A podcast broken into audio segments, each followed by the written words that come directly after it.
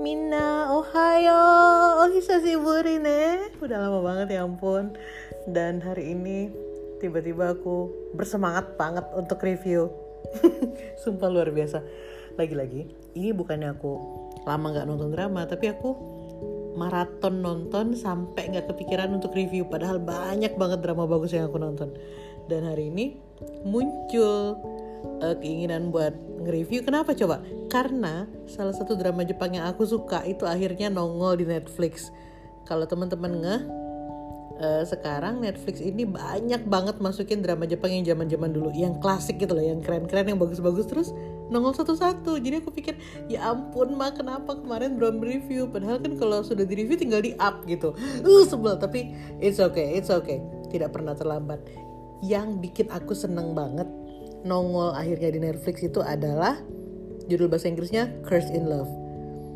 Judul bahasa Jepangnya Atashi Tachiwa Tukashiteru. Nah gitu. Mereka kalau ngomong agak serius gitu soalnya makanya aku nadanya kayak gitu. Nah sebenarnya kalau ditanya, mah kenapa sih suka banget drama ini? Drama ini sebenarnya bukan drama yang enak diulang sering-sering. Tapi keminya antara dua pemeran utama nih adu-adu pusing bener-bener apa ya gemas. Gimana sih? Gem, gemes bener-bener kayak aduh pusing. Sudah mereka tuh cantik banget cakep banget pula gitu kan.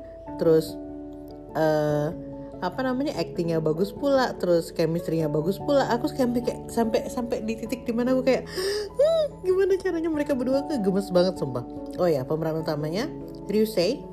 Yokohama Ryusei yang ganteng banget sama Hamabe Minami yang cantik dan sangat terkenal sekarang mereka berdua lagi naik daun sih.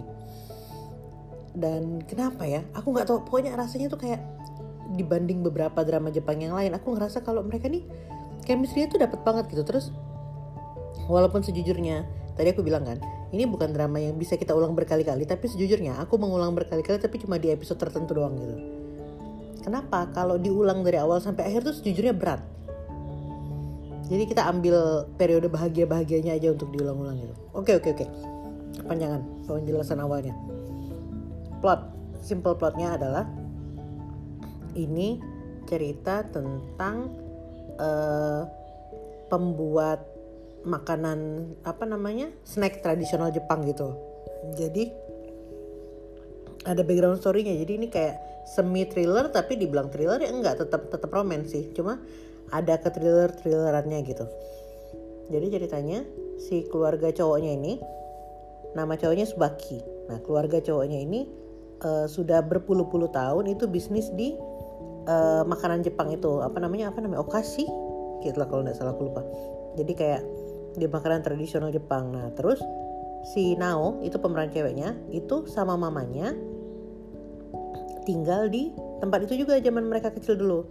Nah mamanya itu kerja jadi kayak semacam uh, staffnya gitu loh staff di uh, toko itu. Nama tokonya tuh Kogetsuan. Itu kayaknya paling terkenal lah sedaerahnya gitu kan. Nah jadi mamanya itu jadi staffnya uh, Nao itu anaknya itu. Jadi kayak dia kayak anak karyawan gitu kan. Nah sedangkan si Subaki ini anak dari yang punya toko. Jadi dia tuh kayak semacam calon penerusnya lah.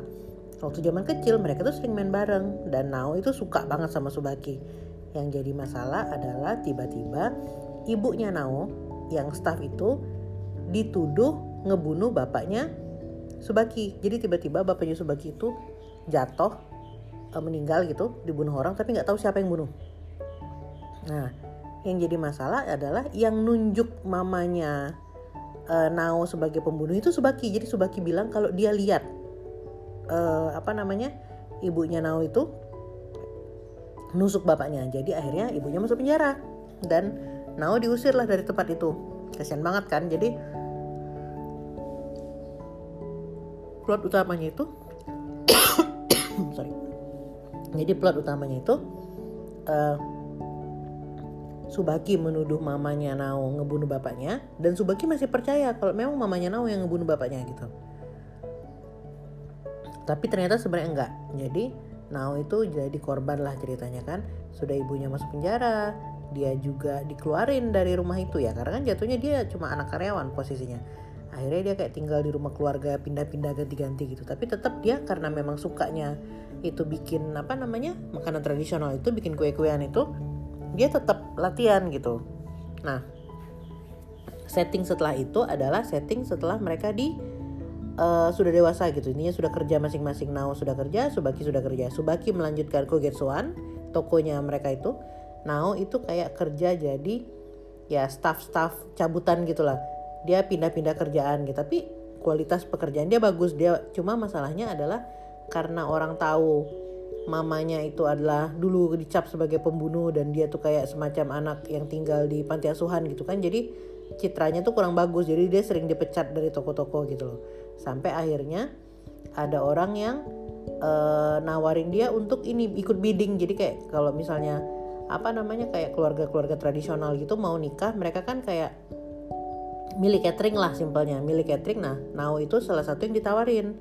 Nah pas mereka lagi apa namanya kompetisi itu ternyata saingannya adalah ini Subaki. Dia kaget kayak gitu kan loh ada Subaki. Masalahnya adalah Subaki nggak inget sama dia ya karena kan apa namanya udah lama juga kan cuma Nao inget langsung sama Subaki karena dia tahu itu Kogetsuan dia kan tahu Kogetsuan ya anak satu-satunya cowok di situ ya Subaki gitu kan begitu mereka tanding bareng walaupun Subaki yang menang Subaki sadar bahwa bikinan Nao ini bagus gitu loh.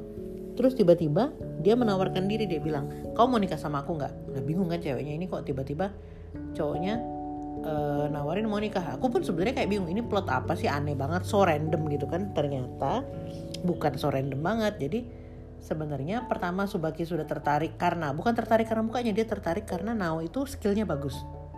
Dan kedua karena ternyata Subaki itu dipaksa untuk uh, ikut miai lo kayak apa namanya perjodohan jadi dia nyari cara supaya bisa menyelamatkan diri dia kalau dia pikir mungkin kalau bisa dia nikah sama orang yang walaupun sama-sama tidak suka tapi punya skill mungkin lebih berguna buat dia kayak gitu. Nah akhirnya karena Nao ini pengen nyari tahu sebenarnya kebenaran dari kasus mamanya tuh kayak gimana dia dateng lah gitu kan. Dan akhirnya Nao itu berhasil untuk ngebatalin acara pernikahannya Subaki. Waktu itu Nao nggak tahu dia dateng hari Subaki mau dinikahin itu. Tapi karena ada Nao dan Subaki bilang aku mau nikah sama cewek ini akhirnya batal nikahnya dia yang di Omiya itu. Terus Nao langsung tinggal di rumah itu uh, intinya persiapan jadi menantu dan dia kayak ini langsung kerja bareng gitu kan. Ya karena katanya kalau dianggap mau jadi anggota keluarga dan dia memang punya kemampuan ya dia artinya harus belajar masuk dapur. Dapur kerja bukan dapur rumah gitu dapur kantor apa dapur masaknya mereka.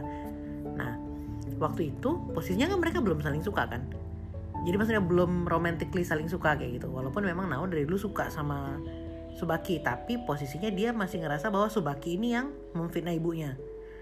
Gitu kan jadi dia masih kayak uh, mendendam lah kurang lebih. Tapi pelan-pelan akhirnya mereka berdua saling suka gitu. Nah yang jadi masalah adalah Nao ini kan nggak ngaku kalau dia anak ibunya. Dan sampai sekarang Subaki masih mikir bahwa ibunya yang bunuh, bunuh bapaknya dia gitu loh jadi kayak kesalahpahaman itu tuh belum cair sama sekali dan ada satu masalahnya yang bikin drama ini yang harusnya bisa sangat bahagia penuh bunga-bunga menjadi apa namanya penuh kehororan thriller-thriller nggak jelas ini karena ada karakter ibunya Subaki. Jadi ibunya Subaki tuh sangat nggak suka sama Nao. Dan dia dari awal tuh sudah curiga ini cewek kenapa tiba-tiba datang ke rumah. Pokoknya kayak gitulah. Dan dia tuh jahat banget. Dan apa namanya? E, cara dia untuk menyingkirkan Nao tuh sadis gitu loh. Dia tuh tipe-tipe orang yang nggak masalah ngebunuh orang untuk menyingkirkan orang gitu. Ngeri banget kan dan ternyata memang si bapaknya itu meninggal itu disebabkan oleh ibunya sendiri karena ibunya itu ternyata ternyata banget itu selingkuh sama orang lain dan punya Subaki jadi Subaki itu bukan anak kandung bapaknya plot twist satu lagi adalah ternyata anak kandung bapaknya itu adalah Nao. Jadi sebenarnya Nao sama ibunya.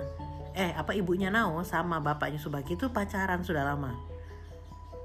Jadi mereka tuh ternyata belajar bikin kue itu bareng zaman waktu mereka masih muda.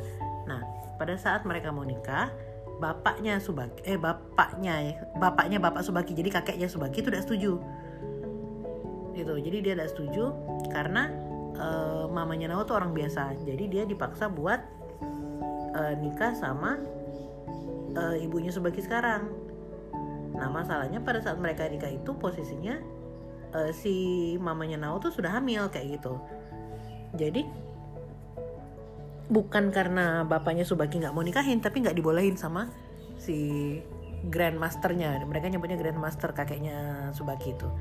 Nah masa apa namanya terus ternyata yang orang-orang nggak tahu bahwa si bapaknya Subaki itu memang nggak pernah tidur sekamar sama ibunya. Makanya begitu kejadian e, ibunya itu hamil ya bapaknya bingung. Kok hamil dari mana kamu hamil dari mana? Dibilang gitu kan. Cuma e, apa namanya? Ibunya nggak pernah ngasih tahu. Sampai akhirnya ketahuan lah bahwa memang dia tuh sengaja e, apa namanya uh, deket-deketin orang lain dan dia hamil supaya mempertahankan posisi dia di keluarga gitu loh. Karena kalau dia tidak nih apa dia nggak hamil dia nggak punya anak gitu. Jadi kayak posisi dia sebagai apa namanya okami mereka bilang kan itu kan. Okami itu jadi kayak tergoyang lah intinya kayak gitu. Dan jahat banget dan yang aku horor banget tuh dia tuh kayak suka nyanyi nyanyi apa namanya lagu-lagu daerah gitu. Terus dengan nada yang menyeramkan gitu. Aku kan ya ampun nenek ini ngeri betul. Padahal cantik tapi ngeri betul kayak gitu nah yang bikin drama ini berat untuk dia tonton berulang tuh gara-gara itu. Gimana ya? Deg-degan banget bener-bener. Gimana sih bener-bener bikin deg-degan? Itu tuh apa namanya suaranya tuh kayak sambil nyanyi bersenandung tapi horor gitu. Gimana sih? Ya pokoknya kayak gitulah. Aku juga susah untuk menjelaskannya. Terus si siapa namanya? Si uh, Subaki sendiri tuh walaupun dia dengan keras apa menolak ibunya buat jahat sama apa Nao tapi dia bener-bener nggak bisa yang 100% apa namanya melarang ibunya gitu dia cuma bisa melindungi Nao doang dan dia nggak sama Nao. Apa namanya kamu kalau misalnya mau bikin apa-apa hati-hati.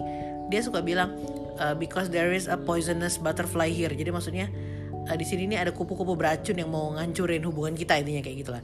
Bahkan sampai uh, apa namanya dia itu misalnya ya Nao bikin apa namanya uh, set makanan gitu kan buat event buat besok. Terus nanti dia malamnya itu sudah selesai tuh dijatuhinnya. Pokoknya dibikin rusak dibikin hancur terus apa namanya dikasih pakai warna-warna yang apa Nau kan takut warna merah kan waktu kasus yang apa si bapaknya Subaki itu. Jadi dia kayak trauma terus sengaja dicampur warna merah. Pokoknya jahat bener ibu itu. Nah akhirnya uh, terus mereka tuh sempat belum akhirnya sih sempat di tengah-tengah episode tuh mereka tuh kayak putus gitu loh. Lagi-lagi karena misunderstanding yang disebabkan oleh mamanya itu juga. Ujungnya happy ending sih jadi jangan khawatir kalau yang nonton ini. Ujungnya happy ending tapi agak capek sepanjang perjalanannya dari mereka putus sampai mereka balik lagi tuh lelah gitu.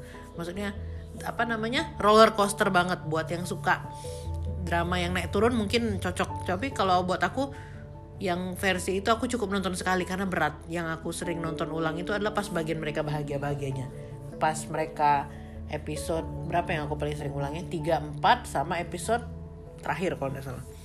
Oh iya ini tidak panjang lagi-lagi cuma 8 jadi efektif banget menyenangkan. Serius. Nah aku sangat merekomendasikan buat teman-teman kalau pengen menonton itu luar biasa. Gimana ya? Kayak uh, Subakinya karakternya bagus, terus juga Naonya juga bagus, terus uh, Nao yang berusaha sembunyi, apa namanya pura-pura uh, apa stranger itu pun terlihat di aktingnya gitu.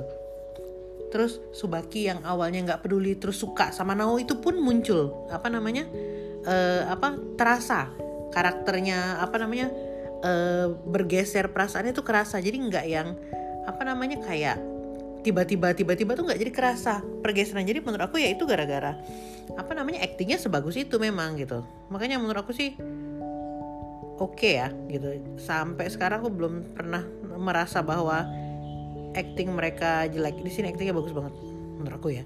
Tapi memang yang agak bikin bingung itu kok bisa awalnya Subaki ini yang sangat apa namanya sangat uh, hostile. Kan dia hostile apa? Emang ya mulutnya kasar sih sama apa namanya? Sama orang-orang gitu. Jadi bukan cuma sama si Nao doang. Tapi ya gitu apa namanya?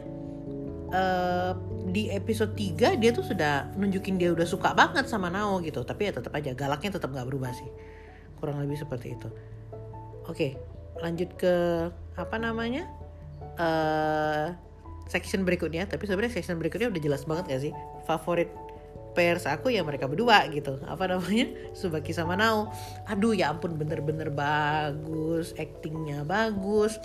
Terus mereka sangat men menyesuaikan dengan uh, karakter kulturnya. Karena di sini kan mereka jadi kayak orang-orang tradisional kan. Terus cara jalannya pelan gitu kayak graceful. Oh ya aduh gemas suka banget suka suka suka. Bener-bener bener bener suka banget. Oke itu kayaknya udah jelas banget ya kalau aku bener-bener suka banget sama drama ini. Gimana ya kayak ada kesan ini drama modern tapi kesan tradisionalnya ada gitu. Gimana lah? Aku bingung juga menjelaskannya seperti apa. Jadi uh, kalau pengen nonton sesuatu yang ringan, eh dibilang ringan ya ringan, tapi dibilang berat ya lumayan berat juga terus modern tapi ada kesan uh, apa namanya masa lalunya ini cocok. Ini bukan dibilang masa lalu sih mungkin tradisional ish gitu. Dan jangan lupa pemeran cowok ceweknya ganteng cantik banget jadi luar biasa menyenangkan dilihat oleh mata gitu ya. Oke sekarang nilai nilai nilai.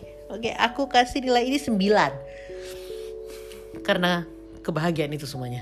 Dan untuk rekomendasi aku kasih 9 juga sampai aku begitu aku ngelihat uh, drama ini ada di Netflix aku langsung japri teman aku. Curse in Love sudah ada di Netflix tolong please nonton aku sampai bilang kayak gitu. Hmm, gemas. Kurang lebih seperti itu. Baiklah ini uh, review drama pertama di bulan ini. Dan sebenarnya aku banyak banget nonton drama bagus. Dan ada satu yang aku nonton tuh setiap episode nangis tapi aku nggak tahu mungkin terusnya overwhelming kali ya untuk aku nge-reviewnya. Tapi I will I will I will Believe me, I will. Oke, okay, baiklah. Segitu aja dulu. Uh, ma masih hype banget ini. Ayo tenangkan diri Risma dulu ya. Oke, okay, baiklah. Uh, segitu aja dulu reviewnya. Nanti aku bakal datang review lagi. Terima kasih banyak. Sampai ketemu lagi di kamar di kamar aja. Bye bye.